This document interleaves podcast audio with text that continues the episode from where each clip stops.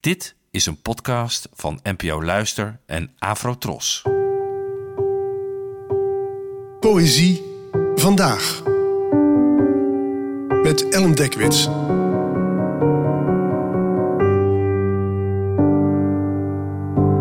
Hallo, fijn dat je luistert. Het gedicht van vandaag heet Gup en werd geschreven door Edward van den Vendel, geboren in 1964. Gup. Alle guppies die ik had, zwemmen nu in onze kat. Nou ja, waarschijnlijk zijn ze dood. Hij viste zo met zijn poot. Er is er maar één die hij miste, oh, omdat hij zich vergiste? Katje dom en van de tel? Of zwom die ene veel te snel?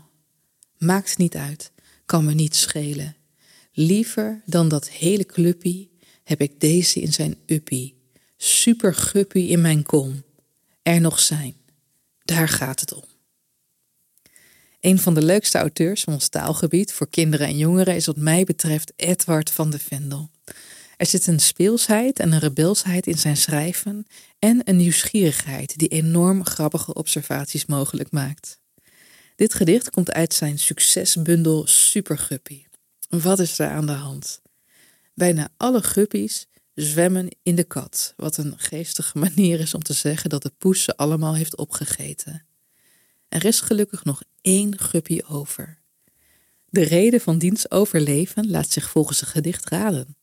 Misschien had de kat opeens last van spontane dyscalculie, of was de vis in kwestie de Femke van Heemskerk onder de waterdieren en kon hij razendsnel wegzwemmen. Hoe dan ook, de vis is er nog. En daar sluit het gedicht dan ook triomfantelijk mee af. Het maakt niet uit wat de reden is, je bestaat nog. En soms is dat meer dan voldoende. Gedenk te sterven, maar ook gedenk te zijn. Bedankt voor het luisteren en tot de volgende keer. Afro Tros, de omroep voor ons.